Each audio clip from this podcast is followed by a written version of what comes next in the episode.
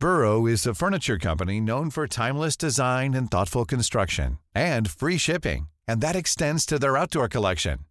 Their outdoor furniture is built to withstand the elements, featuring rust-proof stainless steel hardware, weather-ready teak, and quick-dry foam cushions. For Memorial Day, get 15% off your Burrow purchase at burrow.com slash ACAST and up to 25% off outdoor. That's up to 25% off outdoor furniture at burrow.com slash ACAST. Mother's Day is around the corner. Find the perfect gift for the mom in your life with a stunning piece of jewelry from Blue Nile. From timeless pearls to dazzling gemstones, Blue Nile has something she'll adore. Need it fast? Most items can ship overnight. Plus, enjoy guaranteed free shipping and returns. Don't miss our special Mother's Day deals. Save big on the season's most beautiful trends. For a limited time, get up to 50% off by going to Blue BlueNile.com. That's Blue BlueNile.com. There's never been a faster or easier way to start your weight loss journey than with PlushCare. PlushCare accepts most insurance plans and gives you online access to board-certified physicians who can prescribe FDA-approved weight loss medications like Wigovi and Zepbound for those who qualify. Take charge of your health and speak with a board-certified physician about a weight loss plan that's right for you. Get started today at plushcare.com slash weight loss. That's plushcare.com slash weight loss. plushcare.com slash weight loss.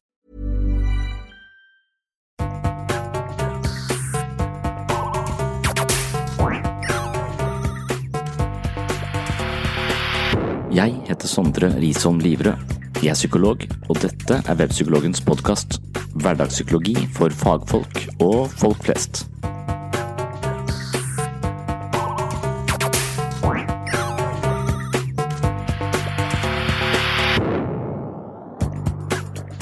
Og velkommen til en ny episode av Sinnsyn. Denne gangen skal jeg reflektere over identitet. Hvem er jeg, og hvorfor er jeg akkurat sånn? I psykologien brukes identitet om den delen av personens selvoppfatning som oppleves som særlig sentral, ekte og typisk for vedkommende. Det dreier seg om mønstre i våre tanker, følelser og handlinger som har vedvart over tid og derfor kjennetegner oss. Å finne sin identitet vil si å danne et selvbilde man føler man kan akseptere og leve opp til, og dernest etablere en livsstil som svarer til dette bildet. Identitet kan med andre ord handle om karakterdannelse. Mye av det vi tenker, føler og foretar oss i løpet av en dag er imidlertid ubevisst. Mennesker går mye på autopilot. Det er vi nødt til for å kunne fungere. Dersom vi skulle tatt bevisste valg i hvert eneste øyeblikk, hadde vi blitt overbelasta og muligens handlingslamma. Derfor er mye av vår livsførsel basert på tidligere erfaringer og mentale algoritmer som hjelper oss å handle uten å bruke for mye tid på bevisste analyser. I så henseende kan vi også tenke oss at alle våre ubevisste mentale mønstre må være en del av vår personlighet eller identitet, ettersom de ligger bak veldig mye av vår hverdagslige oppførsel. Er alt det jeg gjør uten å tenke meg om, virkelig meg, eller er det bare biologisk mekanikk? Er det slik at den jeg virkelig er, representeres av den mer reflekterte og ettertenksomme varianten av meg selv? Når jeg handler impulsivt, gjør jeg ofte ting jeg ikke ville gjort dersom jeg fikk lov til å tenke meg om. Hvem av disse variantene av meg selv er mest meg selv? Identitet, personlighet eller karakter, det har mange navn og det er et intrikat og spennende tema. I dette foredraget har jeg tatt frem et knippe psykologiske teorier som kan kaste lys over tematikken. Jeg befinner meg i Mandal på et arrangement om psykisk helse. Det er onsdag 5. november 2017. Det er Universitetet i Agder som arrangerer dagen sammen med flere brukerorganisasjoner. Før vi tar turen til Mandal, vil jeg benytte anledningen til å takke for utrolig flotte tilbakemeldinger i iTunes. Over 20 stykker har vært inne for å rate podkasten, og den har foreløpig kun fått fem stjerner. Flere har også skrevet svært hyggelige vurderinger av podkasten, og når jeg leser disse, blir jeg mer glad enn jeg nesten sagt hadde forventa. Det betyr mye for meg at dere som hører på, liker podkasten, og når dere i tillegg tar dere tid til å skrive en linje eller to om dette i iTunes, betyr det at podkasten blir sett av flere. Blir den sett av flere, vil flere kanskje bli interessert i å se på sinnet eller sinnssyn, samtidig vil mer oppmerksomhet generere flere oppdrag for meg. Flere oppdrag kan bli til flere episoder. Jeg liker best å ta opp foredrag ettersom jeg synes det å snakke fritt inn i en mikrofon helt alene, sånn som nå, er helt unaturlig. Jeg får det rett og slett ikke til. Alt jeg sier i en mikrofon uten at jeg snakker med noen eller for noen, må jeg lese opp fra et manus. Jeg tror imidlertid at jeg fungerer bedre uten manus, og for å få flere slike episoder hjelper det altså at dere liker podkasten i iTunes og gir den gode skussmål. Tusen hjertelig takk. Nå går turen til Mandal.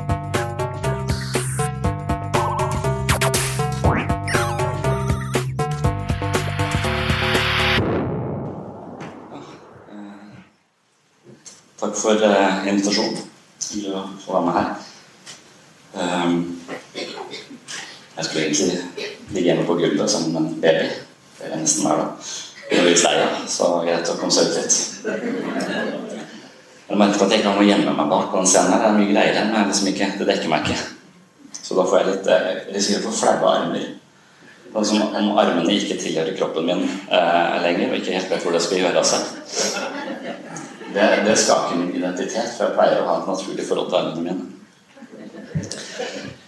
Men nå, nå føles det litt uh, ubehagelig. Skal vi se uh, Funker det nå her, eller? Nei. Kan du ta her? Ja. Uh, bare googler det, så får du en definisjon. I psykologien brukes identitet om den delen av personens selvoppfatning som oppleves som særlig sentral, ekte og typisk for vedkommende. Å finne sin identitet vil si å danne et selvbilde man føler man kan akseptere og leve opp til. Og så etablere en livsstil som svarer til dette bildet. Den har du slått den på. Er, har jeg ikke slått den på nei?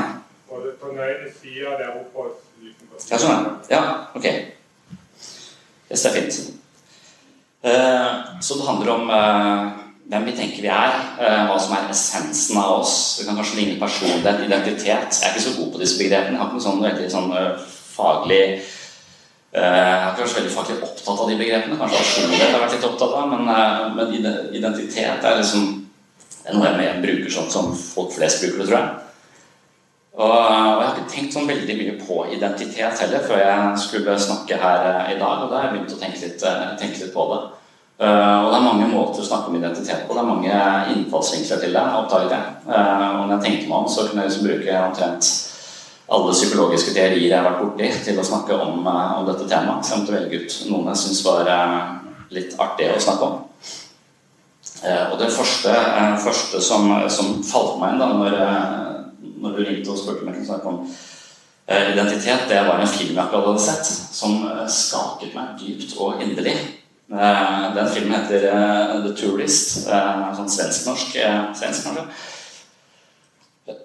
Og jeg vet ikke, er det noen som har sett den? Nei, men det, den, det bildet der sier veldig mye om hva den filmen, den filmen handler om. Og den, den, filmen var så ubehagelig at jeg måtte stoppe den flere ganger underveis og, og snakke med kona mi om hva som foregikk. Egentlig for å få en betryggelse om at hun ikke tenkte at jeg var sånn som han. Uh, og jeg ble veldig usikker sjøl. Er jeg sånn som han? Var, hvem er jeg egentlig? Så jeg ble sittende og virkelig grunne på hvem er jeg egentlig jeg så den forferdelige filmen her. sånn. Og den filmen er veldig bra. Den filmen den handler om at det, dette er en familie Uh, mor, far og to barn. Og de er på ferie på et, i et fjell, stort skianlegg. Uh, og så har de en pause i skigåinga. Han faren får vi inntrykk av at det er litt sånn opptatt av jobb og ikke helt klarer å koble seg inn på familielivet og fjellivet. At han er mye på, uh, på telefonen osv. Men han gjør så godt han kan. Han prøver å være med barna, og han prøver og her tar de en pause, setter seg på en kafé uh, og, skal spise. Men så ser vi i bakgrunnen der så går det et svært snøskred.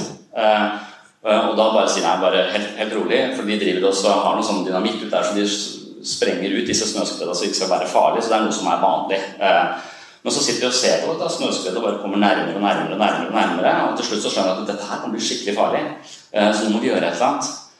Uh, og, og, til slutt så kommer dette, denne veggen av snø så tett på at de skjønner at de er, vi, vi tenker de er livsfare.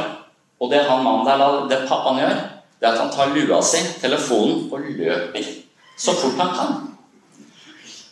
Mens moren prøver å fange barna og ta de og holde de eh, sånn, og så kommer snøen. Men så viser det seg at den stopper akkurat rett før eh, kafeen her. Det kommer et sånn snødekke som legger seg som tynt lag over hele restauranten og maten deres osv. Men de overlever, så de vil reise seg opp, rister av seg. Og et par minutter senere så kommer faren tilbake igjen. Og da er det dårlig stemning. Og det er hele filmen er at der er det fryktelig dårlig stemning. Eh, for det hva er det han har gjort for noe? Han har forlatt barna sine og kona si til fordel for iPhonen sin. Eh, det er hans impuls. Det er å redde iPhonen. Og da tenkte jeg hva faen hadde jeg gjort i den samme situasjonen? Jeg håper ikke at jeg hadde tatt iPhonen min. Men jeg veit jo ikke. Jeg hadde aldri vært i den situasjonen. Eh, så jeg måtte stoppe den. Hva tror du sa jeg til, eh, til hva, tror, hva tror du jeg hadde gjort hvis eh, vi var i den eh, situasjonen? Og da tenkte hun litt for lenge før hun svarte.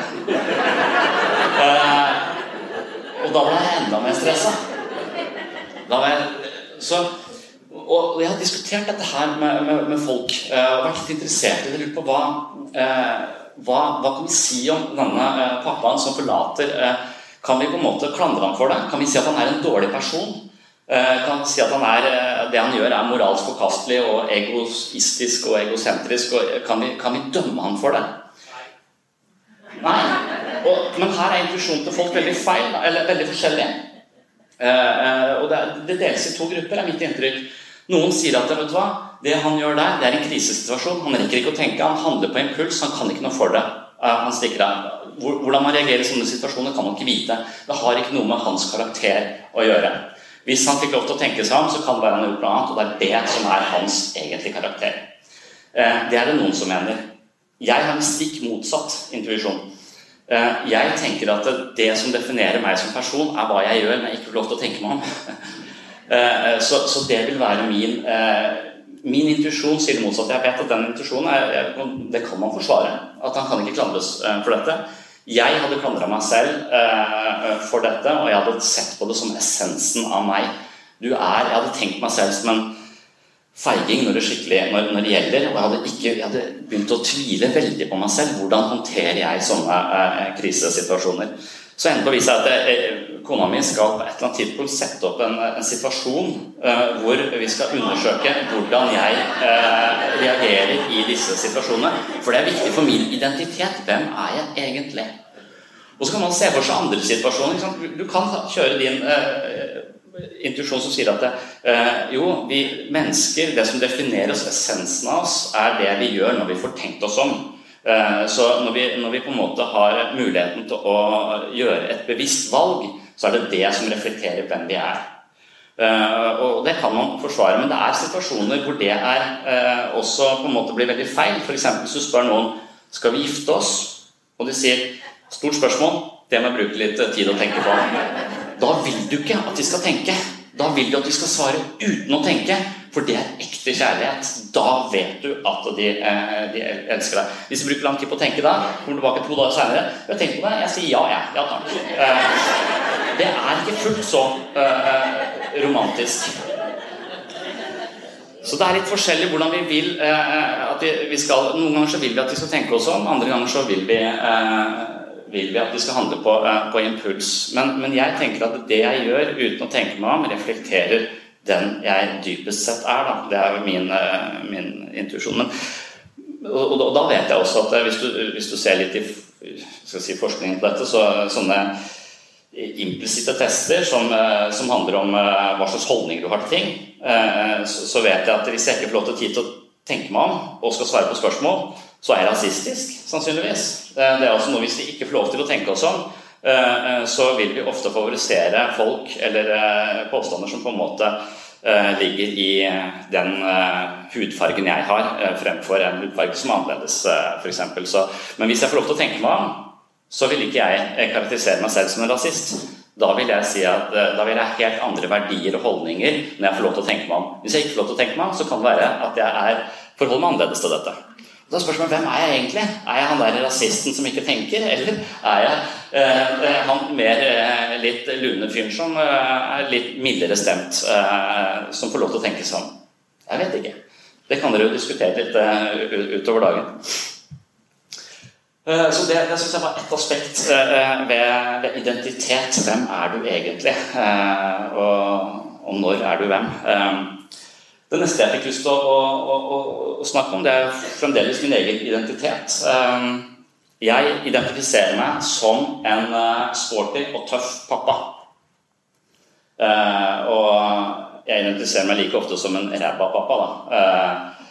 Eh, så, men, men, av og til så tenker jeg at jeg er litt sånn sporty og tøff pappa. Og det der er bildet av sønnen min på fire år bak et på et sånt ikke, et knebrett eller hva det heter, som vi drar bak en båt som går veldig fort. og jeg kjørte så fort jeg kunne. Det, og, og, jeg kjørte båten mens jeg filmet han. Han er fire år, han har aldri prøvd dette før. Men et eller annet mirakel så kjørte vi rett opp, og så satt han der. tenkte jeg jøss, dette går bra. Uh, og så filmer jeg litt sånn rundt sånn. Det vi ikke ser på bildet her, er at her borte kommer ei ferge som er ganske stor. Som kommer inn fra, uh, fra, fra høyre her. Uh, og jeg filmer dette her. Fett ferja, han, og dette går fort. Og så sender jeg den filmsnutten til kona mi med sånn smilemann. Og så får jeg svar med en gang. 'Kom hjem', står det med sånne store capslock. Hadde hun tatt på, på sånn. Kom hjem med en gang. Så hun syns åpenbart ikke at dette her var tøft og, og kult. Hun uh, syntes at dette var livsfarlig, og at uh, hun var egentlig bekymra for om vi kom tilbake i det hele tatt med han der i behold. Uh, og da trengte jeg et slags forsvar, skjønte jeg etter hvert. For nå er jeg ikke en tøff pappa lenger. Jeg er en uvøren og ansvarsløs pappa som tar dårlige avgjørelser. Eh, og Da begynte jeg å tenke hvordan skal jeg forsvare dette, og da kom jeg på parasittpsykologi. Det syns jeg er interessant. Dette her kan jeg ta på parasittene, tenkte jeg. Eh, og, og, det er fordi at det, vi har jo katt, og i katten så er det av og til en sånn parasitt som heter toksoplasmose. og den parasitten, den, den går inn Den, skal, den begynner i, i mus og rotter. Og eh, går den, altså styrebyen overtar den musa sitt fryktsystem, den utskillende stoffer som gjør at musa blir mindre redd. Uh, sånn at musa blir uvøren, som gjør ting som den egentlig ikke pleier å gjøre. Og det er fordi at denne parasitten den har til hensikt å komme seg inn i kattens fordøyelsessystem for å føre seg selv videre, for å reprodusere seg selv. Så den trenger, for å, for å komme videre i sin livssyklus, så må den inn i fordøyelsessystemet til katten. Derfor så går den inn i mus, gjør mus litt teite, sånn at de går rundt og vimser og, og, og tar større sjanser enn de pleier å gjøre. Eh, for da blir de spist av mus, og da kommer denne parasitten dit den skal. Eh, og så har det vist seg at dette funker litt på mennesker også.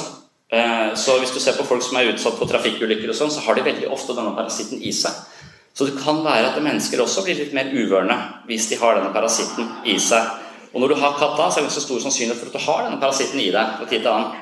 Ergo så er det ikke min skyld at jeg er uvøren øh, øh, pappa, fordi jeg har en parasitt i meg. Så sånn kom jeg unna den, øh, den konflikten der. Kona mi sa at jeg da ikke fikk lov til å være sammen med sønnen vår eh, på en stund før jeg hadde fått fjernet denne parasitten. Jeg vet ikke om man kan teste det, så jeg vet ikke om det er i meg eh, enda. Eh, og så begynte jeg å lure på om det en parasitt som gjør folk litt mer nervøse enn eh, de trenger å være, og om kona mi eventuelt har den. Eh, da var det ikke greit å snakke mer om det, så da avslutta vi. Men hvor, hvor, bevisst og hvor mye styrer vi egentlig det vi driver med? Eh, hvor mye ansvar skal vi ha for det vi får til, og det vi ikke eh, får til? Eh, det er store spørsmål som også har med identitet å gjøre. Hvis jeg skal tenke på hvem er jeg, så ramser jeg opp en del ting som jeg assosierer med meg. Og gjerne ting jeg kan ta ansvar for. Nå er jeg litt usikker på om jeg egentlig kan ta ansvar for det, eller om det er parasitter som styrer hele meg. For det er det videre ikke. Det ordet klarer jeg ikke å uttale, nesten. Eh, altså prøve Den crocelium dendriticum. Det er en annen parasitt, og den eh, går på maur. Eh, og maur de har jo Det virker ganske kaotisk, en maurtue, men de har ofte sine oppgaver. Noen skal på jobb, noen skal passe på maurtua, feithei som ligger inni der og drar seg, dronning. Alle har, de har sine eh, oppgaver. Eh, og de har også en del ting de ikke pleier å gjøre, f.eks. å klatre opp på strå, høye strå. fordi at eh, Hvis de kommer opp på et strå, så er det veldig stor sannsynlighet for at det kommer en drøvtygger og spiser, eh, og spiser de. Og det vil de jo ikke. De er jo ikke suicidale, disse maurene. Så de unngår å klatre opp på høye strå, så de holder seg ned på bakken, ut på jobb, hente ting, bygge, jeg vet ikke hva de driver med. De bygger hus og gjør sånne ting som vi gjør. Men så plutselig så, så, du, eh, så, så kommer det en, en, en parasitt da, som heter dette vanskelige navnet. Den, skal, den, må inn i magen på en drøvtygger for å føre sin egen livssyklus videre. Og derfor, Men da begynner den hos mauren, så den går inn i mauren, overtar litt av systemet, hodet til mauren, og så forteller mauren at du burde stikke opp på de høyeste strålene her borte. Og plutselig så får mauren veldig lyst til det. Så istedenfor å gå på jobb da, så går Ronny opp på et sånt høyt så alle de andre står og sier hva, hva er det du skal for noe? Nei, jeg skal bare opp og se på utsikten, sier han da. Eh, og han klatrer opp og blir spist. Så, eh, så han eh, driver en form for uvøren atferd. Nesten sånn suicidalt prosjekt, dette. Å, å, gå opp der, og så blir han spist av en drøvtygger, og denne parasitten får fortsette. Og da Hvis du har da, hvis du veit om dette, og hvis du snakker med, med Maren Ronny og sier at du, nå er du i ferd med å klatre opp der, det er jo livsfarlig, hvorfor gjør du dette? Er du sikker på at du har så lyst? vet han da, og så, og så kan han si vet du er besatt av en parasitt som gjør at du går opp der. Ikke gjør det. Har han da muligheten til å la være? Kan han da tenke seg om og si at hm, ved nærmere ettertanke så tror jeg du har rett. Jeg tror jeg dropper å gå opp der, for da kommer jeg til å dø. Det vet jeg ikke. Jeg skulle gjerne hatt den samtalen. Men jeg føler jeg har den samtalen veldig ofte med mennesker. Det der ser ut som en glad, eh, glad gresshoppe. Det er en suicidal gresshoppe. Eh, enda en sånn rar Det der er en taggorm eh, som går inn i eh, gresshoppa. Gresshopper kan ikke svømme, de liker ikke vann. Men den taglormen går inn i gresshoppa, ligger der i 14 dager. Så blir den kjønnsmoden, og så vil den Men for at den skal føre videre sin livssyklus, så må den i vann. Så når den da er inne i gresshoppa, gresshoppa hater vann, så har den et problem. Men da skjeller den ut et protein som går opp i hjernen til gresshoppa og gjør sånn at gresshoppa får veldig lyst til å bade. Og Det er også helt sykt, for gresshopper kan ikke svømme. Det er et selvmordsprosjekt. Så gresshoppa da, glad og fornøyd, går ned til vannet, hopper uti og tar rett og slett et eh, selvmord. I Japan så er det noen innsjøer hvor 70% av fisken spiser eh, suicidale gresshopper til lunsj hver dag. Det er hovedmåltidet hovedmåltid eh, deres. Eh, det er fordi at disse parasittene igjen skal, eh, skal, må ut i vann for å føre seg selv eh, videre. Og hvordan vet vi at ikke vi er Eh, eh, på en måte styrt av flere parasitter eh, enn bare den toksoplasmose. Det kan du ikke vite. Kanskje er vi det. Og det tenker jeg en del på. Det syns jeg er litt stress.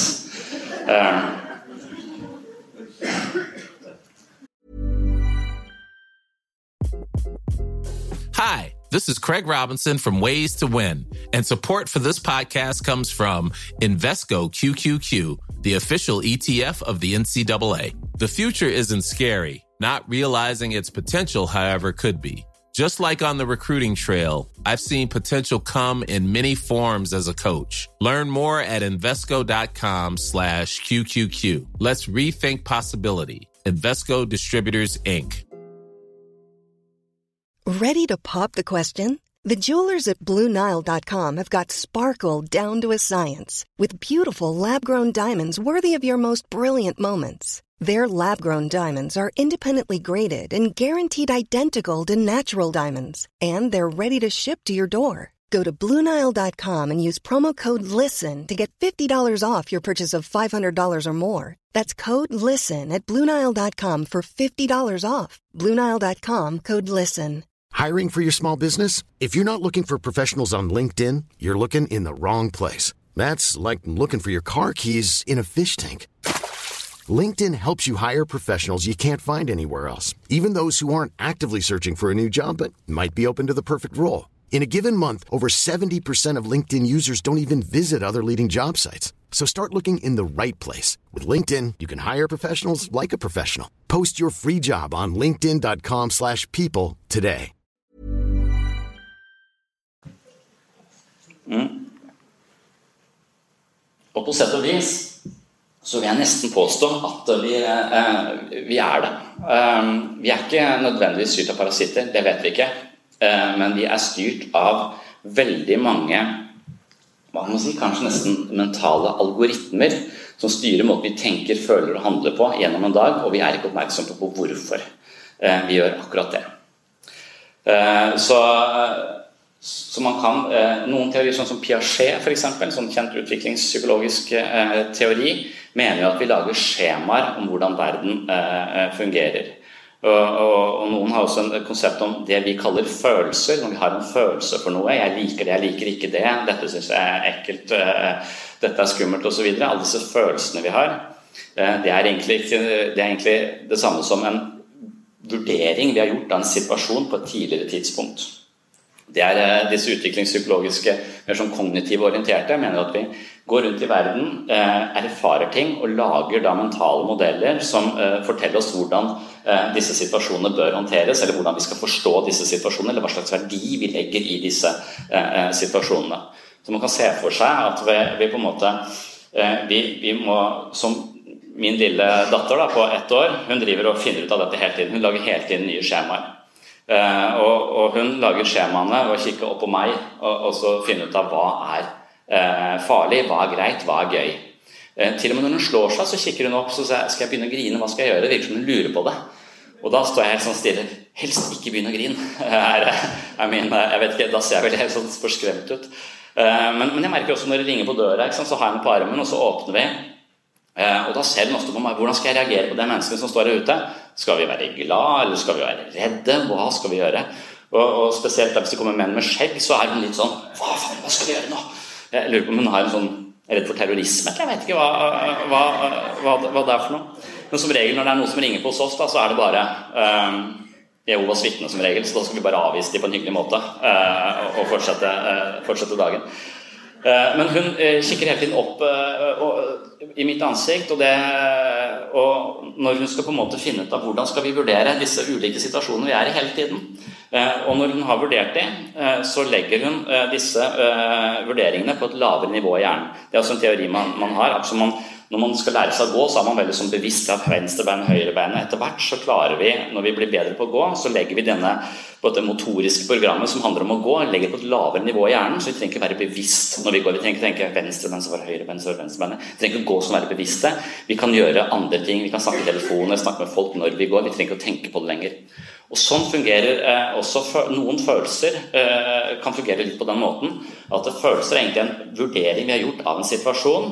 Og så har vi laget, et skjema så har vi laget, lagt dette skjemaet på et lavere nivå i hjernen, sånn at det bare dukker opp på autopilot i situasjoner som ligner den situasjonen vi da vurderte når vi var fire år, f.eks. Da kan man risikere at man møter en, en eh, hund uh, som er litt rabiat som fireåring. Så lager man et skjema som sier at uh, lodne dyr på fire bein som bjeffer, er livsfarlige. Hold deg unna. Uh, og så legger vi det skjemaet på et lavere nivå, og hver gang vi da møter en ny uh, variant av denne arten, som heter hunder, som er menneskets beste venn, så reagerer vi med uh, voldsom frykt. og Det er da en, en, mental algoritme, det er en måte å reagere på som er helt feil i forhold til situasjonen vi er i. du kan si til folk at hunder er ikke farlige. Driter i hva du sier. Følelsene mine sier at hunder er farlige. Og det er det som er problemet vårt. Siden vi vet at ikke hunder er farlige, så hører vi likevel på disse mentale algoritmene. Og så kan du si til det vet du hva, Den der eh, vurderinga du har gjort av en hund som fireåring, den gjelder ikke. Den er i hvert fall ganske skakkjørt. Du kan ikke si at alle hunder er farlige bare fordi du har møtt én hund som bjeffa litt høyt.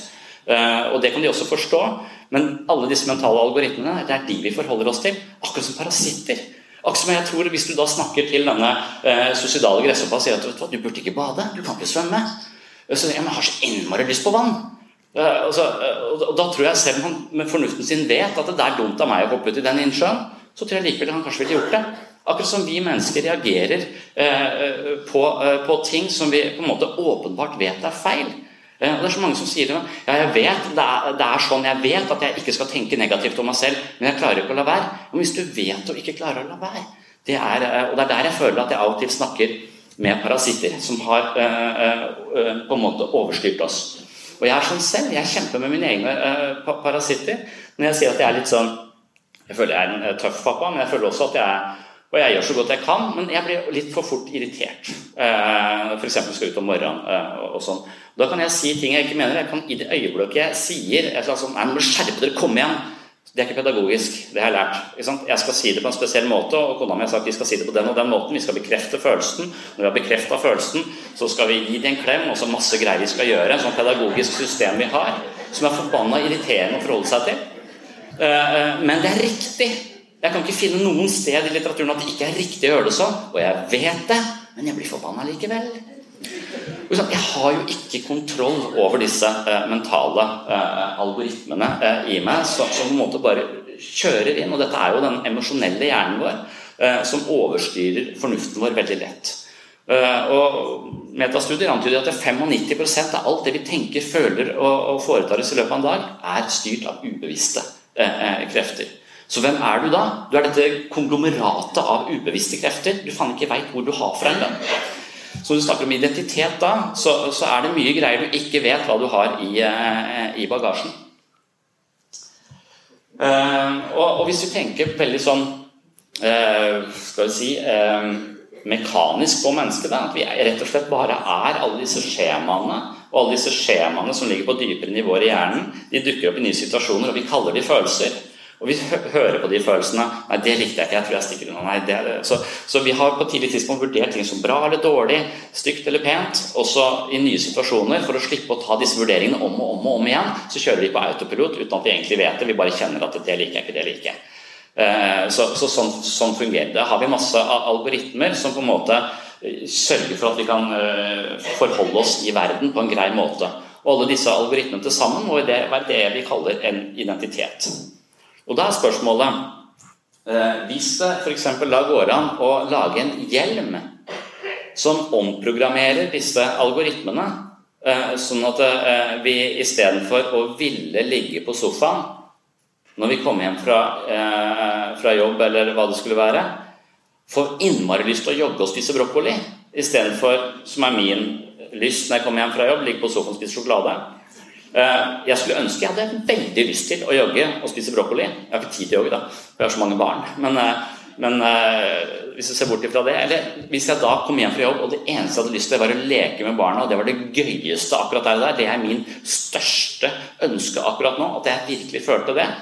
Og hvis det da var mulig å kjøpe en hjelm som på en måte omprogrammerte meg på den måten For jeg har ikke den eh, lysten når jeg kommer hjem. Jeg har ikke sånn innmari lyst til å leke og drive og løpe etter sykkelen som, som har sånn der håndtak. Jeg får drit vondt i ryggen av det. Jeg blir kjempesliten. Jeg skal lære å sykle. Det er, det er stress. Uh, og jeg gjør det, uh, og jeg ser verdien av det, og jeg syns det er noe fint med det. Men jeg syns det er kjempeslitsomt, og jeg har uh, mer lyst til å bare ligge på sofaen. Men, men, hvis det da går an å omprogrammere meg og da er spørsmålet går det an å omprogrammere. Det går an å omprogrammere disse rottene, i hvert fall. Og man kan jo starte der. Dette her er noen rotter eh, som har fått på seg en sånn hjelm jeg ser for meg at vi kan få på oss.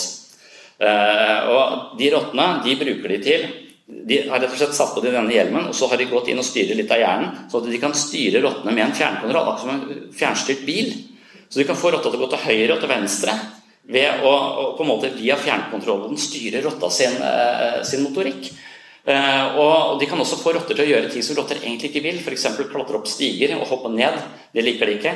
Eh, og, når de da kan fjernstyre rotta, eh, så har de et lite kamera på den, og så har de denne fjernkontrollen. og Da kan de f.eks. stikke inn i rasområder og finne folk som ligger under kollapsa bygninger, eller de kan gå inn og finne bomber, for de er veldig gode til å lukte også. Kan, du kan lære dem til å lukte dynamitt. Så du kan bruke disse og kjøre de rundt i verden ved å styre, ved å styre de. Og Da sier dyrevernere det her er dårlig gjort mot rotta. Og da sier de som holder på det, nei, det er ikke dårlig gjort mot rotta. Rotta tror at den vil det. Rotta har en følelse av at den har lyst til å lukte på dynamitt. Og når den får lukta på dynamitt, så kjører vi på masse eh, gode kjemikalier oppi huet på denne rotta, den føler at den er i nirvana hele tiden. Den rotta har det bedre enn noen andre rotter noensinne kan håpe på å få det. Eh, og det er vår eh, fortjeneste. Så da kan vi styre rotta akkurat sånn som den vil. Og Hvis du da snakker med rotta og, og, og spør liksom, du, når du driver og klatrer opp de stigene og hopper ned, det, det liker ikke jeg. jeg rotte, jeg også. Hvorfor eh, Nei, det hadde jeg lyst til. Det, når jeg har bestemt meg for å klatre opp der, så gjør jeg det. Det er min, eh, min frie vilje.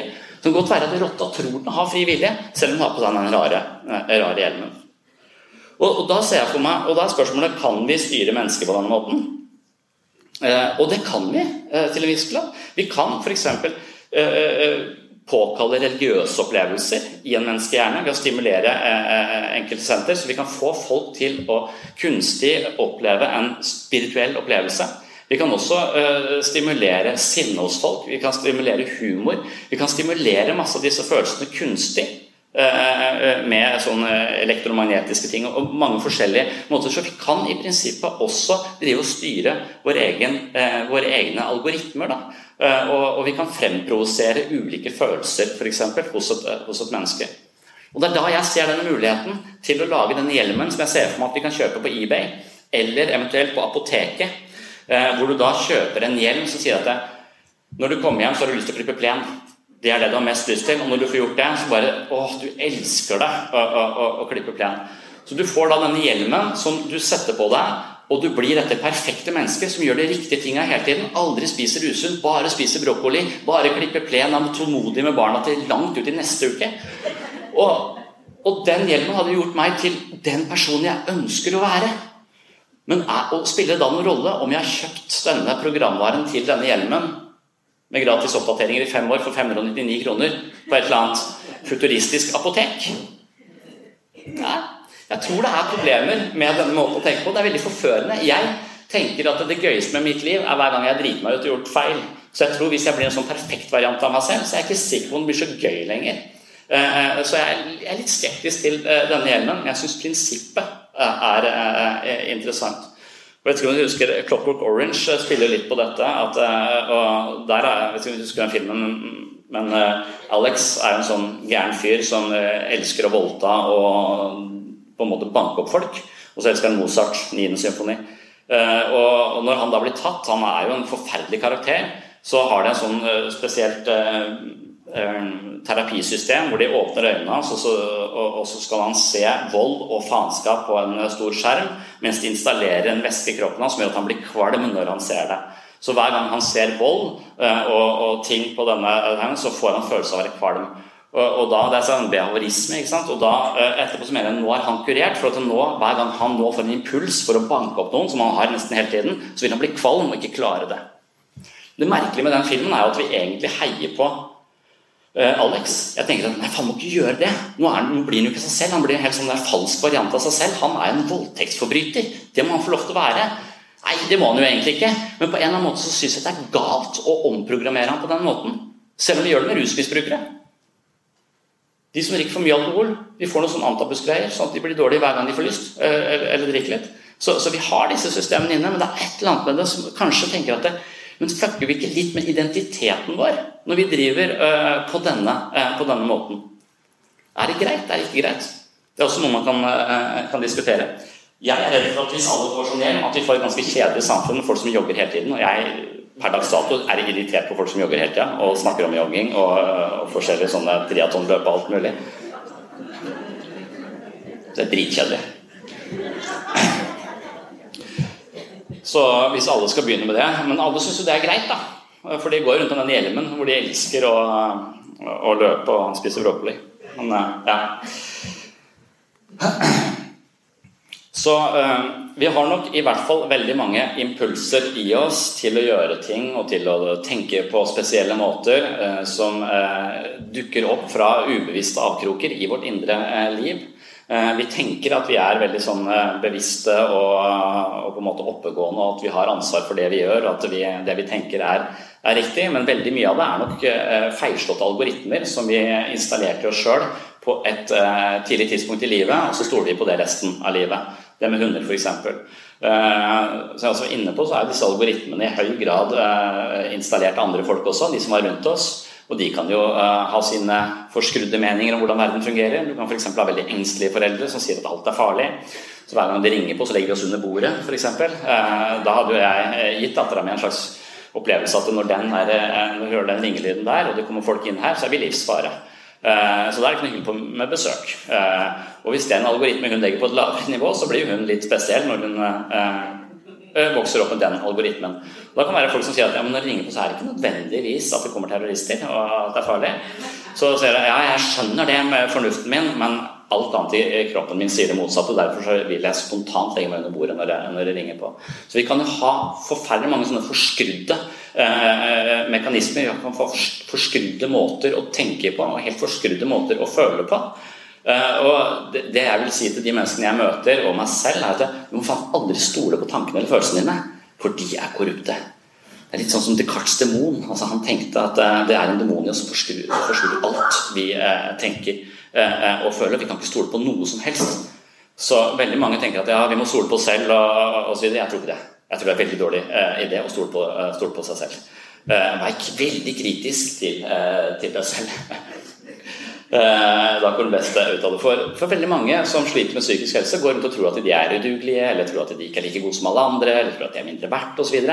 Algoritmer som de har fått av mennesker som kanskje har oppført seg som om de var eh, mindre verdt enn en, en andre. Jeg er litt redd for at min datter nå på ett år tror at hun er ganske mye verdt. Hun er på en måte på rangstigen så er hun rett under iPhonen. Eh, fordi at den der forbanna smarttelefonen som ligger der hele tiden, det er blitt en slags besettelse, og jeg hater det. Eh, så, så, det vil jo også fortelle hver gang jeg går på den iPhonen og ikke ser hva hun driver med, hun stirrer på meg, stirrer på meg, eh, så, så er det en slags svikt i eh, oppmerksomheten. Hun trenger å finne ut av hvem er jeg, og du må vise meg det. Og det er det som er å være i pappaperm. Da bør du legge bort den forbanna telefonen. Så, så, Vi har mange sånne erfaringer og opplevelser gjennom livet som jeg tenker til sammen skrur sammen den opplevelsen vi har av oss selv. Og når du da har, i dag har foreldre med smarttelefoner, så, så, vil du kanskje Kanskje vi får en generasjon som tenker at de er litt mindre verdt enn smarttelefonen. Så det er mange, mange sånne ting. Så alle disse algoritmene vil Det er uendelig mange av de, og det er uendelig mange måter de har blitt installert på. Det er Utviklingspsykologien handler egentlig bare om forskjellige fortellinger om hvordan vi lager disse forståelsene av hvem vi er, og hvordan vi dannes som, eh, som mennesker. Uh, og, og, og, da har vi, og Det ligger også da veldig mye på ubevisst plan i oss å styre måten vi tenker og føler og, og handler på. Uh, så Vi er ikke klar over dette, men vi lager historier om uh, hvem vi er. og det er disse historiene som, som, på en måte kanskje er fortellingen om mitt liv. Da. Hvordan jeg tolker alle disse impulsene som dukker opp når jeg driver og kjører eh, eh for fort på sånn knebrett eh, osv. Hvem er jeg? Kul og tøff pappa? Oi, nei. Det viste seg at jeg heller var en, eh, en uvøren eh, pappa eh, som ikke burde ha ansvar for barn i det hele tatt. Det tenkte jeg når vi var på sykehuset også. Jeg er sikker på at vi skal ha med disse barna hjem. Det, eh, så, uh, så, men vi lager fortellinger. Og dette her er også en sånn interessant eh, uh, historie. Jeg tror jeg har det fra han Haré, som, Harari, som, som, skriver 'Sapiens' og 'Homo Deus'. dette er en journalist som heter Sally A.D. hun er superwoman. hun skriver for New Scientist. og og når det gjelder disse historiene vi forteller om hvem jeg er, og hva som definerer meg som, uh, som menneske, uh, så, så, er det noe interessant i, det hun driver med akkurat her. sånn. Hun har fått en sånn hjelm som jeg er interessert i. Ikke akkurat den samme hjelmen jeg snakket om i stad, men en lignende hjelm. Nå har hun bare på seg en sånn bånd rundt, rundt, hodet. Men hun som journalist fikk lov til å komme til Ohio, til, Ohio, til, til en sånn militærbase der sånn hvor de driver og utvikler en sånn type hjelm som soldater kan ha på seg for å utføre jobben sin bedre. Eh, og Det hun Sally AD får lov til å gjøre da, er at hun får lov til å gå inn i en sånn simulator. Eh, eh, hvor, som er veldig ekte. ikke sant? Dette er sånn skikkelig, det er PlayStation 5 på en måte. Det er virkelig ekte. Og hun får et maskingevær, og så rundt henne så kommer det masse sånne IS-soldater. Og hennes oppgave er selvfølgelig å drepe disse folka. Så det er en sånn eh, liksom krigsspill eh, på en amerikansk eh, base. Og Når du kommer inn der, møter geværet, hun er ikke vant til å være i krig, så kommer det masse eh, skumle eh, folk med våpen mot henne, og hun prøver å forsvare seg så godt hun kan, men hun blir så stressa og tenker nei, dette går ikke, å nei, nei, nei, nei, og rifla kjører seg fast, og alt blir galt. Til slutt bare legger hun seg ned på gulvet og gir opp, jeg orker ikke, eh, og så må hun ut. og så sier hun men du skal få et nytt forsøk, og da skal du få lov til å låne hjelmen vår. Eh, og, så tar hun på seg denne hjelmen, og så går hun inn igjen eh, i denne simulatoren. Og når hun da kommer ut igjen etter eh, forsøk nummer to med hjelm, så spør de folka henne hva, hvor lenge tror du du var der? Og så sier hun ja, kanskje ett minutt. Og så sier de nei, du var der i 20 minutter. Ja, hvor mange klarte jeg? sa hun. Du klarte alle. Så hun drepte alle uten noen militær eh, trening. Så klarte hun å drepe alle disse IS-soldatene fordi hun hadde på seg denne hjelmen. Og hva gjør denne hjelmen? Kanskje det bare er placebo. Eh, kanskje De har ikke kommet langt nok med den. og kanskje det bare Jeg tror ikke vi skal legge for mye i den hjelmen, men konseptet syns jeg er interessant. her. For det hun sier når hun kommer hjem, når hun skriver denne artikkelen, er at det eneste jeg ønsker nå, det er å komme meg tilbake og få låne den hjelmen. For den hjelmen gjorde at jeg ikke hadde den kritiske stemmen inni hodet mitt som sa du får det ikke til. Denne selvkritikken som hele tiden er med meg, den ble på en måte skrudd av. Så istedenfor å tenke at du, du får det ikke til, nei, dette går ikke, å, du er livsfare Alle disse stemmene som snakker til henne hele tiden. og Noen sier at er 80 000 stemmer som snakker til oss gjennom eh, en dag. og Vi hører jo ikke alle, men de påvirker oss likevel. Og de er ofte negative. De er et slags ekko fra alt annet vi tenker om oss selv. ikke sant? Så når vi skal skru av den, så er hun til stede der og da og gjør akkurat det hun skal. Så hun, ikke, hun, elsker ikke å drepe folk. det er ikke det Hun ønsket Hun ønsket bare å få den hjelmen, sånn at det ble stille i hodet hennes. Sånn at hun ikke hadde alle disse stemmene som var kritiske til henne hele tiden. Og det er nok et sånn hjelm. jeg, Jøss, det? Er den? og så begynte jeg på eBay igjen. Fint, kan jeg få en sånn hjelm som skrur av denne kritiske eh, eh, stemmen som vi går med inni, inni hodet vårt, de aller fleste av oss, veldig stor del av dagen. Det ville vært lettere for meg å stå her uten å tenke at blir dette bra går dette da, hva tenker de nå? Eh, som går på sånn repeat eh, eh, bak i hodet mitt. Da kunne jeg konsentrert meg om det jeg skulle gjøre, istedenfor å ha, høre på denne eh, forbanna kritiske stemmen hele tiden. Og det er på en måte ganske interessant, syns jeg. Det er noe, det er noe med, med at eh, Hukommelsen vår fungerer også bare sånn at vi husker bruddstykker her, der og der. Vi husker ikke hele livet vårt, vi husker bare små bruddstykker. Og alt det som er mellom der, det kommer dette narrativet selve, denne fortellingen om livet vårt, og fyller inn etter beste evne. Eh, eh, så når vi da tenker at ja, jeg er en sånn og en sånn og en sånn person, så er det bare en stemme. Så, så på en måte Vår indre stemme som er farget av alt vi har opplevd hele, hele, veien. Det er ingen objektiv vurdering av hvem vi er, og hva, hva vår verdi er. Det er, det er, rett og slett bare eh, skvaldring. Eh, og hvis du har opplevd mye kritikk og faenskap i livet ditt, så er det en skvaldring av negativ. Fortell deg dritting om deg selv hele, hele tiden. Og Da kan man gå tilbake til disse mentale algoritmene om hvorvidt du vurderer edderkopper som farlig eller hunder som farlig, det syns ikke jeg spiller så stor rolle. Jeg skjønner at det er kjipt å ha hundefobi eller edderkoppfobi, men det viktigste tenker jeg er den algoritmen som forteller noe. om Hva er min verdi? Hvor verdifull er jeg? Hvis du har en algoritme på det, så tror jeg det på en måte, og det har vi alle sammen, det er jo selvfølelsen, kanskje det er kjerneidentiteten vår. Er jeg verdt å elske? Er jeg en person som andre kan like?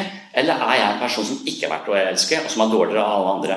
Hvis det er min algoritme på min selvfølelse, så vil jeg jo gå ut i verden og tenke dette i enhver ny situasjon. Vil jo farge den ideen jeg har om meg selv. Og da tenker jeg at da bør vi omprogrammere denne selvfølelsen. Og det du kan gjøre, da er å gå 20 år i terapi meditere i 20 år, eller kjøpe denne hjelmen som jeg håper kommer eh, innenfor ganske kort tid, som bare må omprogrammere den algoritmen eh, fort og greit. Jeg lurer på om LSD også kan gjøre det, men eh, jeg vil ikke anbefale det.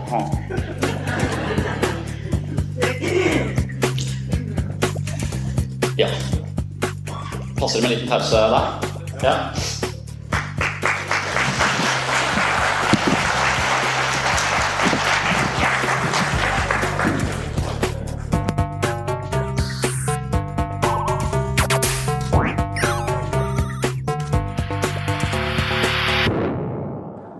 Takk for at du hørte på Sinnsyn.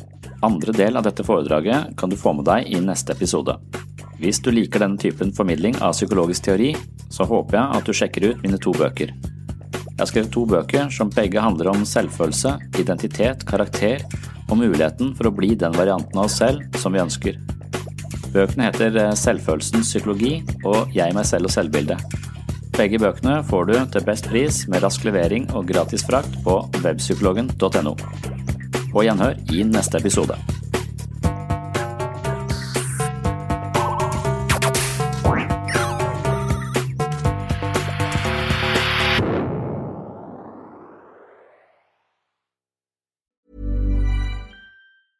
Cool fact a crocodile can't stick out its tongue. Also, you can get health insurance for a month or just under a year in some states. United Healthcare short term insurance plans, underwritten by Golden Rule Insurance Company, offer flexible, budget friendly coverage for you. Learn more at uh1.com. Mom deserves the best, and there's no better place to shop for Mother's Day than Whole Foods Market. They're your destination for unbeatable savings, from premium gifts to show stopping flowers and irresistible desserts. Start by saving 33% with Prime on all body care and candles. Then get a 15 stem bunch of tulips for just $9.99 each with Prime. Round out Mom's menu with festive rose, irresistible berry chantilly cake, and more special treats. Come celebrate Mother's Day at Whole Foods Market. Imagine the softest sheets you've ever felt. Now imagine them getting even softer over time. That's what you'll feel with Bowl and Branch's organic cotton sheets. In a recent customer survey, 96% replied that Bowl and Branch sheets get softer with every wash. Start getting your best night's sleep in these sheets that get softer and softer for years to come. Try their sheets with a 30-night guarantee. Plus, get 15% off your first order at bowlandbranch.com. Code BUTTERY. Exclusions apply. See site for details.